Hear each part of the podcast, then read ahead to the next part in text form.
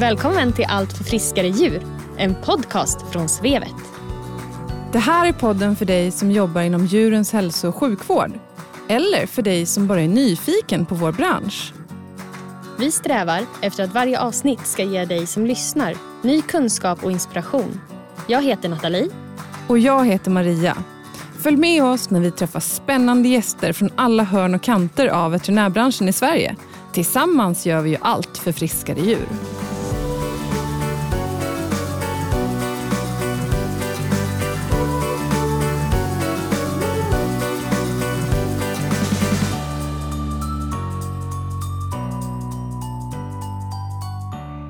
Maria! Hej Nathalie! Hur är läget med dig? Jo då, det är fint. Hur är det med dig? Det är bara bra med mig, tack. Idag så kommer vi prata om något som alla kanske inte sysslar så mycket med dagligdags ute på klinikerna. Precis. Idag ska vi prata om digitalisering och hur den digitala världen kan hjälpa oss i de, i de veterinära verksamheterna att komma närmare djurägarna. De flesta av oss är ju vana vid digitala tjänster från många olika områden. Men en del av oss kanske kan tycka att det är lite krångligt att sätta sig in i. Men syftet med digitalisering är ju att det ska bli enklare och mer effektivt så att man får mer tid över till sina patienter. Just det, och för att hjälpa oss att reda ut begreppen så har vi idag med oss inte mindre än två gäster, Sean Karem och Emil Åkesson. Så vi tar och lyssnar in på det samtalet tycker jag.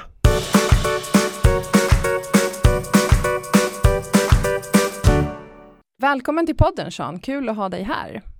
Tack. Eh, kan inte du berätta lite grann om dig själv och din bakgrund? Jag heter Sean Karim, jag jobbar som stadsveterinär på miljöförvaltning i Stockholm. Och eh, jag har jobbat tidigare på Livsmedelsverket och jag har ju jag har ju jobbat på olika områden som veterinär. Det är det som är, som veterinär har man möjlighet att jobba på olika områden. Liksom läkemedel, livsmedel, smådjur, stordjur, lantbruk, till och med hundtandläkare. Mm. ja, det är ju det, det är skönt att vara veterinär då man kan testa olika områden, vilken som passar bäst. Och eh, just nu jobbar jag på miljöförvaltning i Stockholm, jobbar, jobbar med livsmedelssäkerhet. Det känns otroligt roligt att kunna jobba med något som är viktigt för alla. Oavsett vem du är. Alla behöver äta mat. Mm. Och jag jobbar med eh, mest köttsäkerhet. Mm.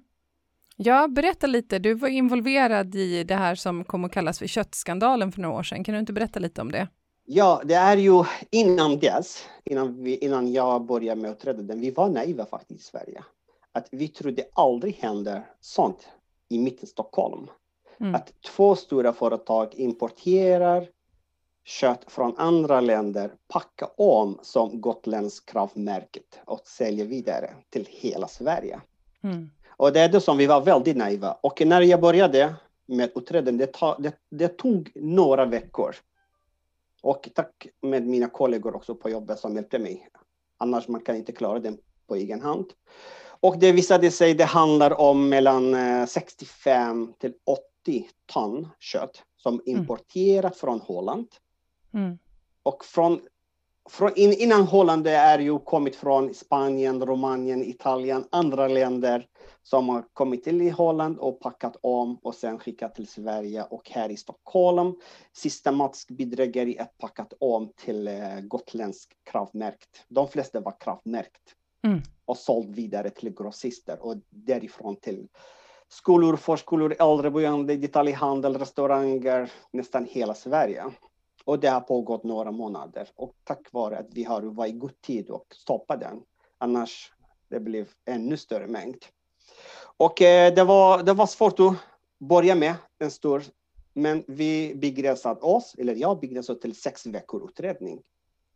Hur mycket de har producerat på sex veckor. Mm. Hur mycket de har köpt in, hur mycket de har sålt vidare. Och eh, då man, eh, när man träffar ägarna, när man träffar vdn, då man får olika svar. Och vid olika tillfällen. Samma fråga, olika svar vid olika tillfällen. Eh, förfalska följesedlar, förfalska dokument. Då man, ju, man misstänker direkt att någonting inte stämmer. Då man går vidare. Och eh, den dagen som var, blev offentligt, då jordbruksministern lovade att ska skärpas lagen i Sverige. Och han lovade, jag var på SVT den kvällen och eh, efter mig direkt kom jordbruksministern lovade att de ska skärpa lagen i Sverige. Det ska inte hända i Sverige sånt. Eh, folk frågar, är det farligt man äter sånt kött? Det är svårt att säga, det är inte farligt. Det är för mm. att om man kollar på antibiotikaanvändning i olika länder.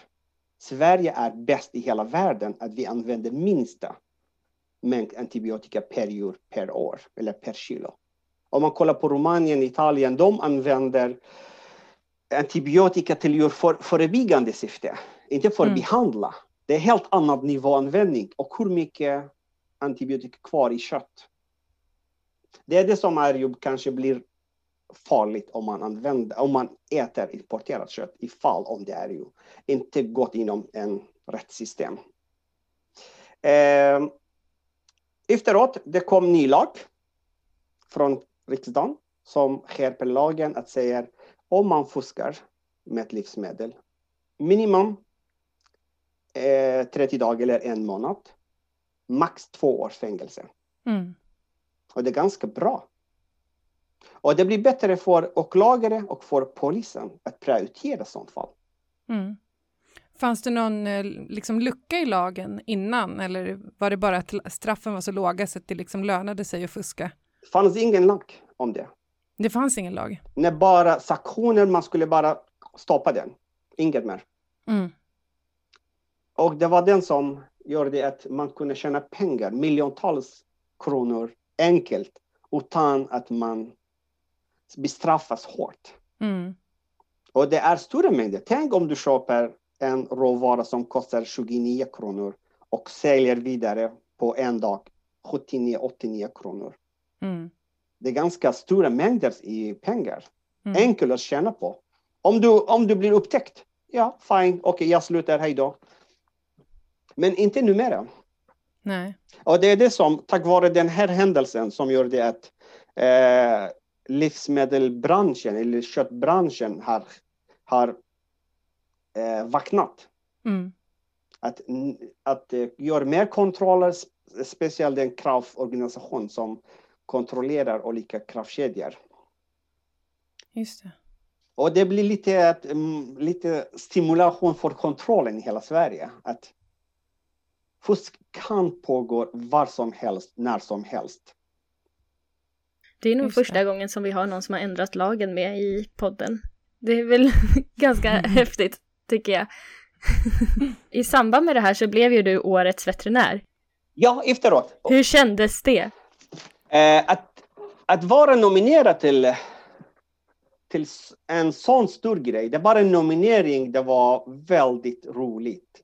Det, var, det, det, det pirrade i magen att jag fick veta att jag blev nominerad faktiskt. Och det är ju inte så lätt. För att vi har 5000 veterinärer i Sverige. Mm. Och det är ju bland 5000 veterinärer 30-40 personer blir nominerade och sen det blir tre till finalisten och det en blir årets. Det var en historisk dag för mig. Mm, jag förstår det.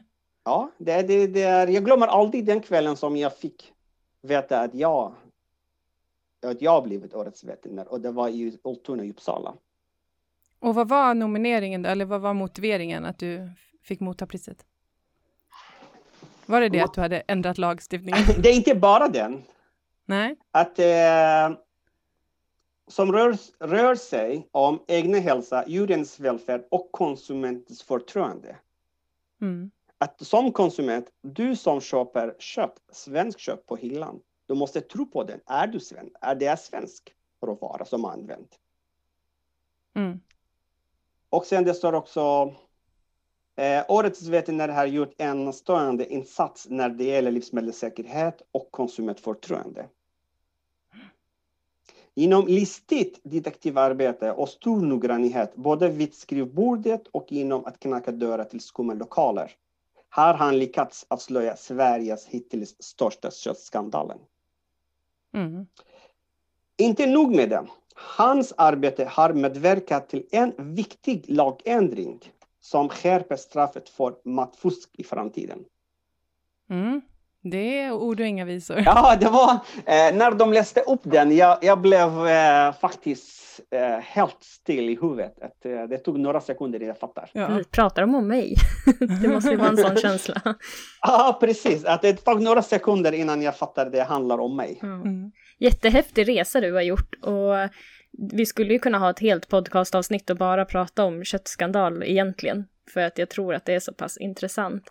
Men idag ska vi prata lite om digitalisering i veterinärbranschen och därför har vi ju med oss din kollega också som har fått vara lite tyst men nu ska få träda fram i rampljuset också. Vi har med oss Emil Åkesson. Hej Emil! Hejsan hejsan!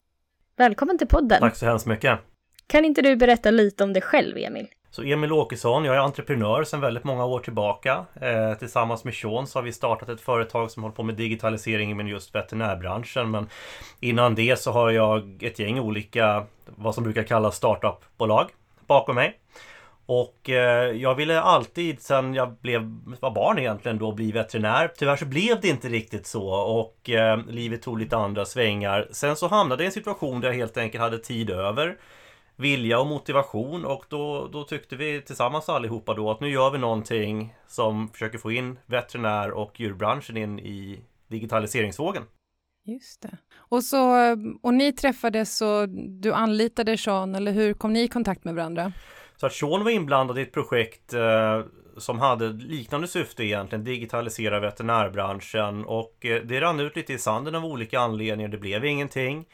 Jag blev kontaktad av ett gäng av dem som drog igång det projektet som kände att det, det är inte värt att lämna det här utan vi måste vidareutveckla, vi är någonting bra på spåren. Så att eh, jag och Sean tog möten och eh, insåg att vi uppskattade varandras visioner och eh, även de andra grundarna till bolaget då, som heter Vettrick tyckte precis samma sak så att på den vägen är det. Så att jag, Sean och två personer till, Annika och eh, Pontus, är de fyra grundarna till det här bolaget. Just det, kan ni inte berätta lite mer om Vettrick? Vad gör ni och hur kom ni på idén? Så det vi insåg det var att veterinärbranschen, även om den är väldigt framåt på många ställen, så just inom digitaliseringen så har man halkat lite efter. Speciellt om man jämför med humanvården men även rent generellt. Konsumenter idag är vana vid att saker och ting ska vara digitaliserat. Man väljer oftast inte en bank om det inte även finns en internetbank till exempel. Så att digitaliseringen är över oss och alla är vana vid det. Men av någon anledning just inom veterinärbranschen så är det inte riktigt det här fallet. Det, det finns några företag som sticker upp och har gjort väldigt goda tjänster. Men bredden har inte funnits där. Så att det Vettrick vill göra det är att egentligen bygga en plattform där djurägarna kan komma ombord. De kan säkerställa att de har allting samlat om sitt djur. Du kan leva hela sina djurliv egentligen inom ett digitaliserat landskap. På andra sidan av våran tjänst, där kopplar man in den professionella sidan av branschen. Så det är veterinärerna, men det är även exempelvis stallen, hovslagarna, beteendevetarna. Alla som erbjuder någon form av produkt till djuren. Och det vi har möjlighet att göra, det är att erbjuda en tjänst till den här professionella sidan som ersätter en stor del av de digitala verktyg som de har redan idag, alltifrån bokning och så vidare. Men ännu viktigare som sätter dem i kontakt med djurägarna och har möjlighet att lättare kommunicera med djurägarna då. Så det som Sean var väldigt tydlig med från början och, och det som jag snappade upp där också, det är att om vi nu ska göra det här, då måste vi göra det först med djuren i fokus. Så att vi säkerställer att djurens säkerhet verkligen är tryggad. Sen måste vi i andra hand göra det med eh, den professionella användarens liv i fokus. Så att en sak, en, en svaghet som vi märkte om vi ska se på det sättet är att främst veterinärer har väldigt, väldigt mycket att göra. Så att ta in ny teknik för dem är någonting som oftast är lite av ett besvär. Så hur kan man då säkerställa att istället för att komma med ytterligare ett nytt system att vi kan effektivisera veterinärens vardag och effektivisera kommunikationen med kunden och kanske i bästa fall också höja intäkten för veterinären som jobbar. Det är bakgrunden till, till varför vi ville lansera Vettrick då. Just det. Och eh, vad liksom, vad eh, erbjuder ni rent konkret? Är det journalsystem eller bokningsmöjligheter eller hur?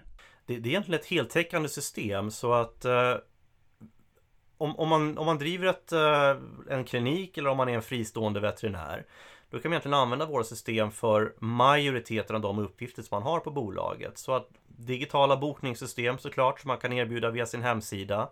Vi erbjuder journalsystem light så att man kan dokumentera vad som händer såklart med djuret och allting som genomförs via, via vårt system.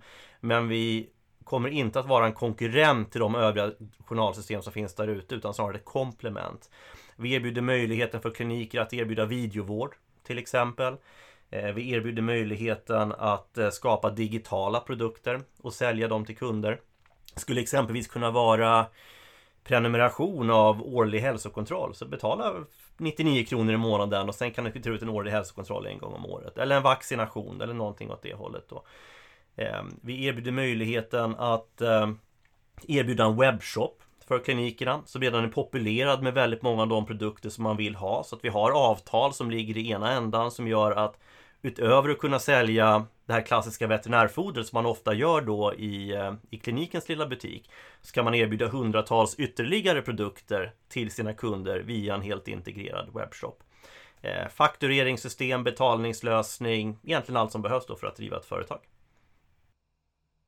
Jag skulle vilja påstå att veterinärklinikerna oftast inte är så digitaliserade redan.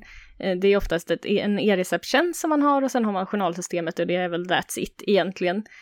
Eh, vad krävs egentligen av en veterinärklinik för att bli mer digital? Behöver man anställa en IT-specialist eller räcker det med att ha bra internetuppkoppling eller vad krävs? Exakt, och, och där ligger ju verkligen eh, hjärtefrågan för väldigt många för man tror att det är en mycket högre ansträngning som krävs än vad som faktiskt krävs. Så att med alla de system som finns idag, ja ofta så, så behöver man jobba ganska mycket mer och, och, tanken bakom Vettrick det är att det ska inte behöva så mycket jobb. Egentligen så hoppar man ombord på, på det här systemet och man kan lära sig hur det funkar på en dag. Egentligen. Sen är man digitaliserad. Frågan är snarare vad är digitalisering? Så är det så att eh, digitalisering innebär att man helt plötsligt bara börjar erbjuda videovård över internet och, och det är det ju inte. Utan digitaliseringen för att den ska vara någonting som ger nytta för en klinik så måste det vara produkter som går hand i hand med vad som händer i den kliniska verksamheten. Så att man tar aldrig bort behovet av att ha en fysisk verksamhet. Snarare, hur kan man effektivisera det behovet? Så om vi går tillbaka till exemplet banker ett bankkontor är jättebra och där kan man göra alltihopa men varför väljer då de flesta banker att ha internetbanker? Jo men det är för att helt plötsligt kan man lägga över dels en del av arbetet på kunden så att man behöver inte ha lika många anställda själv, där kan man spara pengar. Eh, men kunden å andra sidan har möjligheten att kontrollera eh, sitt, eh, sina behov i banken så att säga. Jag kan betala räkningen precis när jag vill. Jag behöver inte gå ner på kontor och göra det. Jag kan se vilket saldo jag har och så vidare. Och precis samma sätt är det inom veterinärbranschen. Så att om kunden har möjlighet att alltid ha del av den medicinska journalen, ha del av historiken om djuret, eh, ha alla sina försäkringsdokument samlade, ha en väldigt lätt kontaktväg in till sin lokala veterinär så man behöver inte leta efter andra alternativ bara för att det är klockan två på natten exempelvis. Eh, då har man kommit väldigt, väldigt långt på digitaliseringen. Så att det är det här klassiska konceptet att, att 20% av arbetet ger 80% av resultatet. Och det är lite där vi försöker arbeta. Vi, vi jobbar så lite som möjligt för att nå så hög nivå av digitalisering som möjligt på kliniken för att komma närmare kunden och det i sin tur knyter kunden närmare dig och gör den mer lojal.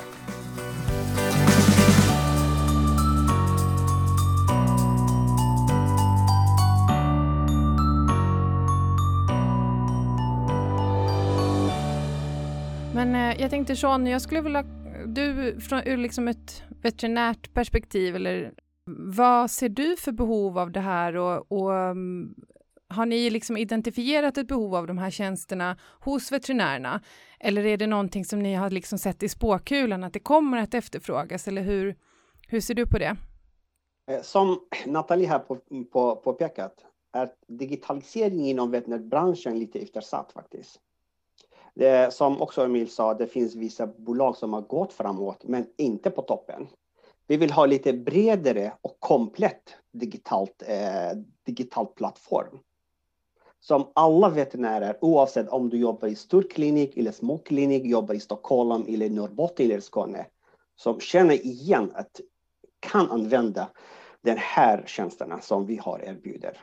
Det blir en komplett digital plattform som alla kan använda och det ska vara enkelt och det ska vara säkert och tillgängligt. Mm. Vi behöver inte man anställa någon IT-kille eller tjej för att kunna justera en vissa grejer eller eh, använda den. Och det är det som, om man kollar på vad det påvisat förra året under pandemin, att folk, att de flesta djurägare ville stanna hemma, Mm. vill inte gå ut och besöka någon djurklinik.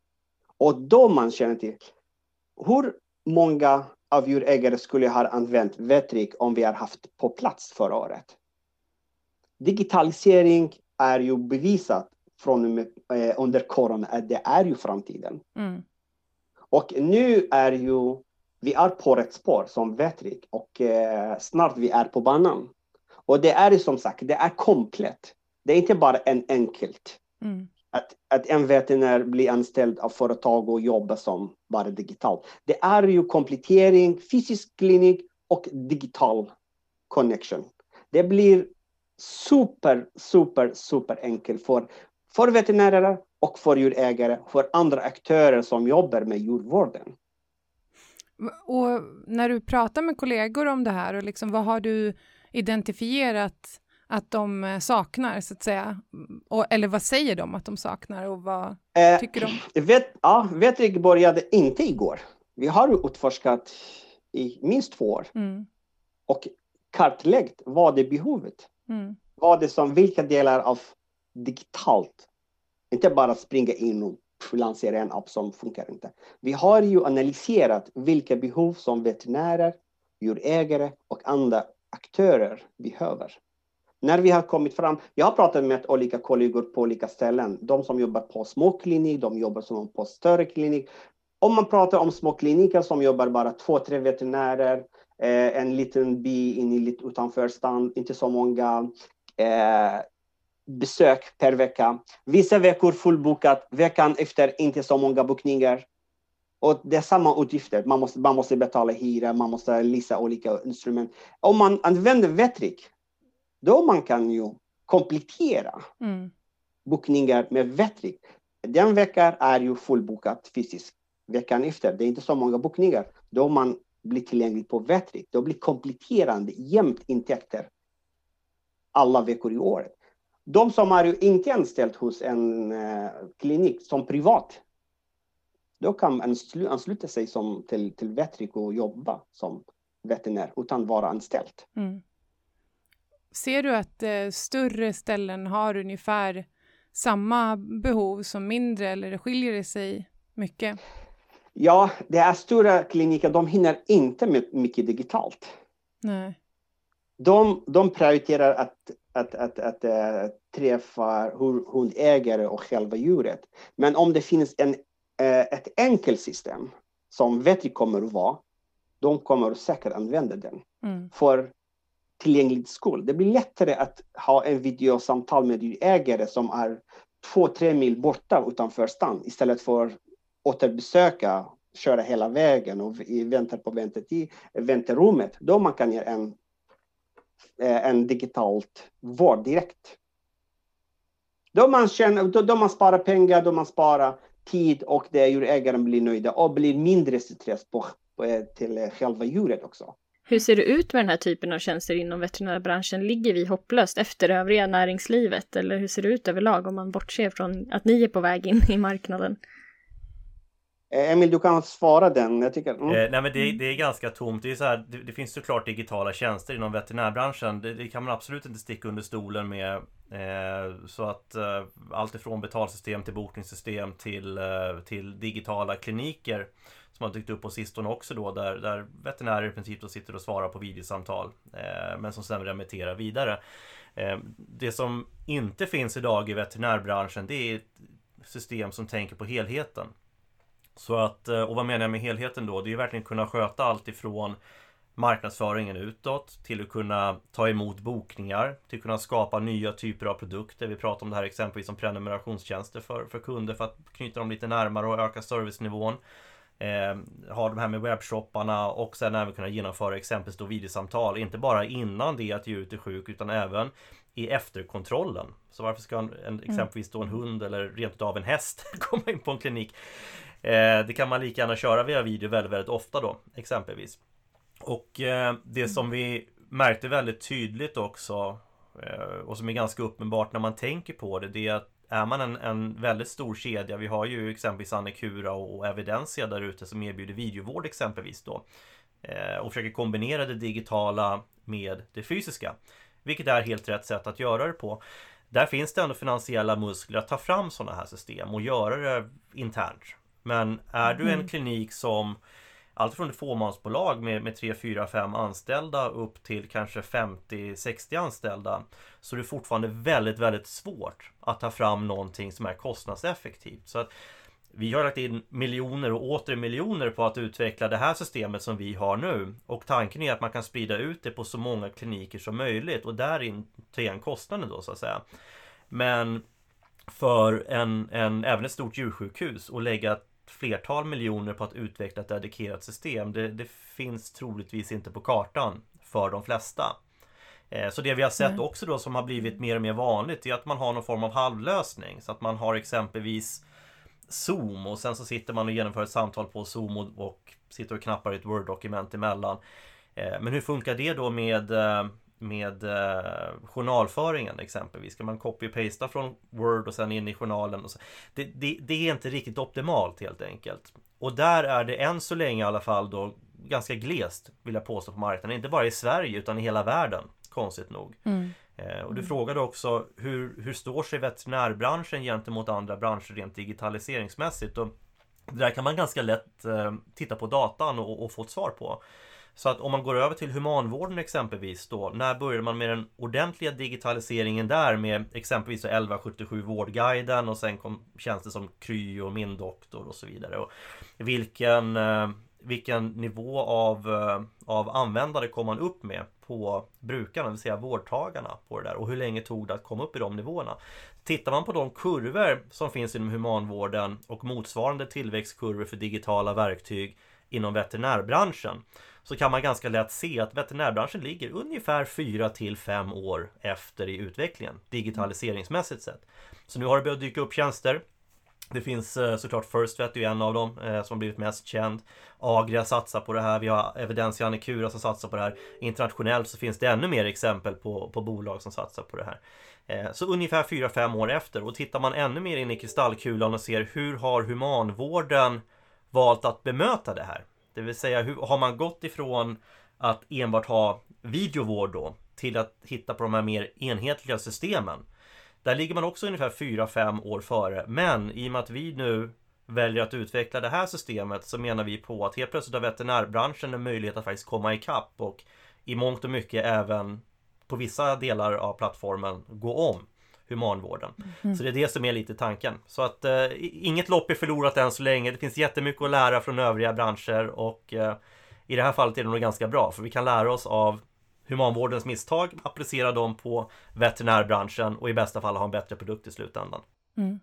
Men jag blir lite nyfiken på den här jämförelsen med humanvården, för jag tycker det är väldigt intressant. Och det, jag vet inte, det kanske är lite av en generationsfråga, men, men jag är ju van vid att allting ska kunna skötas med BankID på nätet liksom, och det, det är jättesmidigt och allting, och det är nästan frustrerande när man behöver skicka ett papper på posten eller faktiskt gå till ett ställe.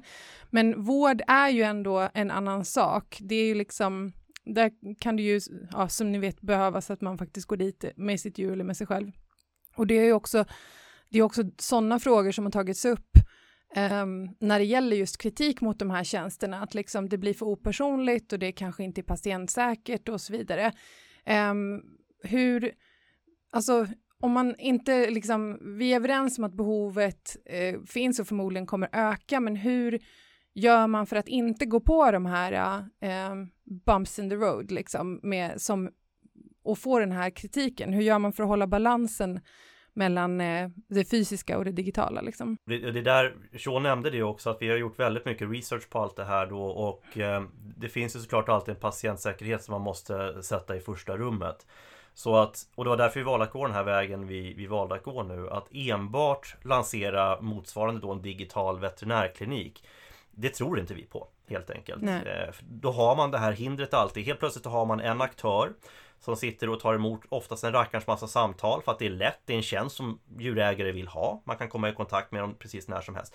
Men vad händer i nästa steg då? Är det så att man måste remitteras vidare in till klinik? Till att börja med så har den aktören troligtvis väldigt mycket makt över vilka kliniker som man bör bli remitterad till. Det kanske inte alltid är den bästa kliniken, det kanske inte alltid är den kliniken som ligger nära dig. Exempelvis att det finns ett hack i kedjan helt enkelt så som det ser ut idag. Och eh, det är där vi ville fylla upp någonting. Så att Tanken med hur man kan komma runt det där det är att lägga tillbaka makten i den enskilde veterinärens och den enskilde klinikens händer. Så man säger att eh, den här kliniken har möjlighet att erbjuda exakt samma typ av service som man kan på de andra digitala alternativen. De kan ta emot ett videovårdssamtal, det finns ett nätverk av, av kliniker som kan ta emot det om man själv inte skulle vara tillgänglig. Man har kunder som är listade på kliniken så att säga, så är det så att man behöver gå vidare ytterligare ett steg då i den här vårdkedjan så har man ett förval av klinik redan där så att man har alltid kontroll över, eller kontroll, i alla fall en visibilitet över flödet för sina egna kunder. Och man har alltid möjlighet att om man skulle hoppa som kund då, mellan klinik till klinik att ta sina journaler och flytta dem över till, eh, till den kliniken man är på just för tillfället. Just för att bli av med den här osäkerheten i, i glappen på vårdkedjan. Det som humanvården har som en stor styrka såklart det är att den finns tillgänglig överallt. Det är fortfarande diskussioner om journalsystem och så vidare självfallet. Men men vården du får på ett sjukhus kontra ett annat sjukhus skiljer sig inte särskilt mycket och man har i alla fall tillgång till, till eh, historiken. Eh, så är inte riktigt fallet inom veterinärbranschen. Så det här är en jätte, jättestor sak som vi försöker att åtgärda genom att se till att informationen kring det specifika djuret, det som inte är företagskritiskt såklart, utan det specifika djuret, det ligger i djurägarens händer. Så att djurägaren har möjlighet att flyta lite mellan de delar av vårdkedjan de har behov av just nu då. Sean, lite sammanfattningsvis, varför skulle dina kollegor behöva digitalisera sig? Det är framtiden digitalisering som jag nämnde det. Oavsett om du vill eller inte vill, du måste vara på tåget mot digitalisering. Och eh, om man kollar på djurägarens sida, då är ju hur många procent av djurägarna använder olika appar. Det är ju oavsett om du är gammaldags veterinär eller nyexaminerad. Finnas måste, det dina kunder där. Ja. Precis. Mm. Du måste bemöta vad är kundens behov. Och det är det som är ju, som nämnde, under coronakrisen, det var, det var översta bevis att digitalisering är det behov i samhället. Och det är framtiden. Och det är det som är, det är, det som är grejen. Det är enkelt. Och det är, gör det mer tillgängligt. Var som helst, när som helst, oavsett var du är. Och det är det som med att vi jobbar med, att det är ju blir någon sorts... för djurägarens sida och på veterinärens sida, att komplettera information om själva djuret. Det är ju djuret som är i fokus alltid. Samtidigt det är veterinärens också, eh, eh, blir lättare att komplettera information om själva behandlingen, själva diagnosen, att allt det registreras direkt på appen eller i backofficen. Det blir, det blir så enkelt, så, så, så eh, man kan säga mycket enklare än förut. Just det. Och vi älskar att leva i framtiden, eller hur? Mm. så är det. Och det är, det tålamoden inom människan är blivit förkortad. Ingen av oss orkar kolla på fem minuters videoklipp nu. Mm. Det ska vara bara max en minut. Mm. Och sen man, vi tappar orket. Mm. Ja, man har tre sekunder sak... på sig, eller vad det, är det står, ett, när, för att mm. fånga en läsare. Eller no. Ja, precis. Det, det, tar om sekunder. Det är samma sak nu i framtiden. Djurägare orkar inte sitta i väntrummet i timmar. Mm om det finns alternativ med eh, digital vård eller digital eh, rådgivning. Just det. Och det är det som vi jobbar med. Mm. Bra. Vi har en sista fråga som vi alltid ställer till våra poddgäster. Jag tänker vi ställer den till er båda två. Vi börjar med dig Sean. Eh, finns det någon specifik person eller något specifikt ämne som du rent spontant skulle vilja höra om i Allt för friskare djur? Eh, jag Menar du en, en, en veterinär? Det spelar ingen roll. Någonting som du tror att dina kollegor vill lyssna mer om? Eh, det finns en veterinär som jobbar i regeringsdepartementet, Mhm. Anna Brodermark. Mhm. Och Vi var kollegor förut och hon jobbar på departement, jobbar med olika frågor med eh, EU-kommissionen. Det är länken. Och jag tycker det är intressant att eh, höra vad hon gör. Kul, det är ett tips vi inte har fått förut. Nej, jättespännande. Ja, Verkligen. hon är veterinär och eh, hon är ju eh, de, de som jobbar inom livsmedelssäkerheten känner henne, men de utanför kanske mindre. Nice. Men, men hennes jobb det är väldigt viktigt. Hur, det är inte bara om livsmedel, det handlar om kanske antibiotikaanvändning. An, det, det är olika delar om djur, djurhälsa. Mm. Jag tycker det är intressant. Det tycker vi också. Mm. Spännande. Och du då, Emil? Vem skulle du vilja höra om i Allt för friskare djur? Jag Snarare säga ett ämne i, i det stora Mm. hela och eh, det kanske är Det kanske är bland annat då Veterinärförbundet som skulle kunna vara en intressant part att prata med gällande det men Det är ju lagstiftningen kring allting som sker just nu och, och speciellt det här då som jag själv brinner för med digitaliseringen så att Enkla frågor inom situationstecken i alla fall då som man skriver ut e-recept. Vad ska hända där? Eh, och vad kommer hända över landsgränserna? För det är ju någonting som kommer ske på, på EU-nivå. Eh, digitala pass är det väldigt mycket tal om. Så hur ska det kunna förenklas för att kunna säkerställa att man kommer åt problematik som exempelvis ja, smuggelhundar skulle vara en Mm. sån sak. Till lättare resor om man ska ta med sig djuret utomlands. Så hela den här digitaliseringen och hur man kan förenkla inte bara för veterinärerna utan för djurägarna, för tullkontrollanter eh, och Mm. hur det här i slutändan också kommer att beröra det som Sean känner till väldigt mycket, livsmedelssäkerheten. Så att eh, registrera eh, i, i, eh, i skedet att man är på en gård ända fram tills dess att det når konsumenten i en butik. Vad är det som händer däremellan? Också någonting som är superintressant eh, och som kan hjälpas till då med hjälp av, eh, av eh, digitaliseringen. Just det. Vi får göra ett uppföljningsavsnitt helt enkelt. Ja, det låter inte bättre. Digitalisering 2.0. Precis. Tack snälla bägge två för att vi fick prata med er. Det har varit väldigt intressant och jag tror att det här med digitalisering absolut behöver lyftas mer och mer i den här branschen. Om man vill komma i kontakt med er, hur bär man sig åt då? Då går man in på vetrik.com så vetrik.com och sen så trycker man på kontakta oss och där finns både jag, Sean och våra kära medgrundare representerade. Så att alla är välkomna att sträcka ut en hand och eh, fråga mer. Absolut. Mm. Och vi finns på social media också. Olika kanaler. Mm. Och där heter ni också Vetrik. Precis. Kanon. Och om ni som har lyssnat vill komma i kontakt med oss, då mejlar ni precis som vanligt till podcast.svevet.se. Och sen så finns vi också på sociala medier, eller hur Maria? Ja, det stämmer. Och där heter vi kort och gott Svevet. Eh, tack också alla ni som har lyssnat på det här avsnittet. Vi hörs igen i nästa avsnitt. Det gör vi. Tack så mycket. Hej då! Hej då!